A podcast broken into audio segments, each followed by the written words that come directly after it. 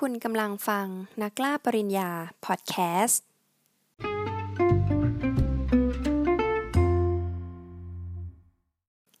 สวัสดีค่ะ คุณผู้ฟัง วันนี้พบกับธารณพัฒน์วัชระวัฒกูล หรือจะเรียกสั้นๆว่ามนก็ได้นะคะ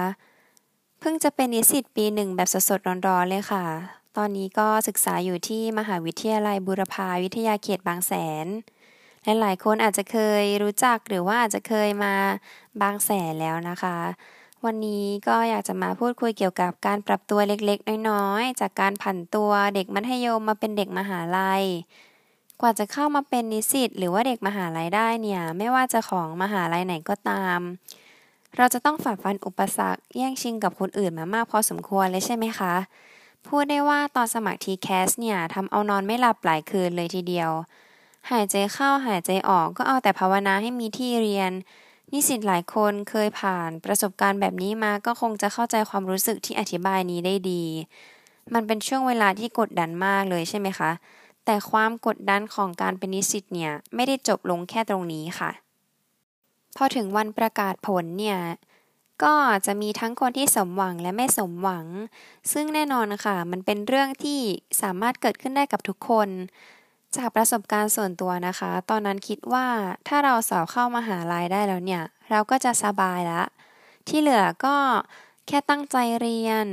อยากจะทำอะไรก็ได้ทำแล้วจะไปเที่ยวจะไปกินข้าวจะไปเล่นที่ไหนก็ได้ คือจะได้ใช้ชีวิตตามใจตัวเองแล้วล่ะ อันนี้คือความคิดตอนนั้น แต่อย่างที่นิสิตทุกคนรู้ดีค่ะ หลังจากที่ได้ก้าวเข้าสู่รั้วมหาลัยแล้วเนี่ย ชีวิตการเป็นนิสิตมันไม่ได้มีแค่นั้นจริง ๆ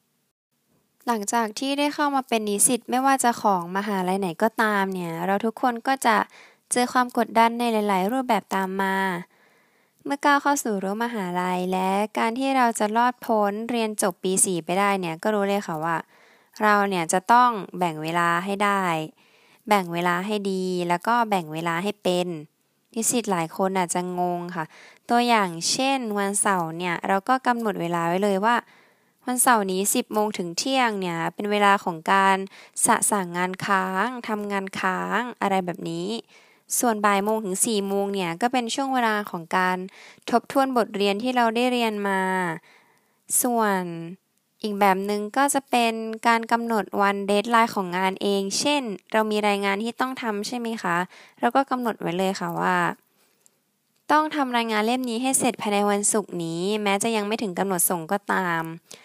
มันเป็นเรื่องที่ดีค่ะ ถ้าสมมติเราจะเคลียร์งานให้เสร็จก่อนกำหนด เพื่อที่เราจะได้มีความพร้อมกับงานที่อาจจะมีเข้ามาอีกในอนาคต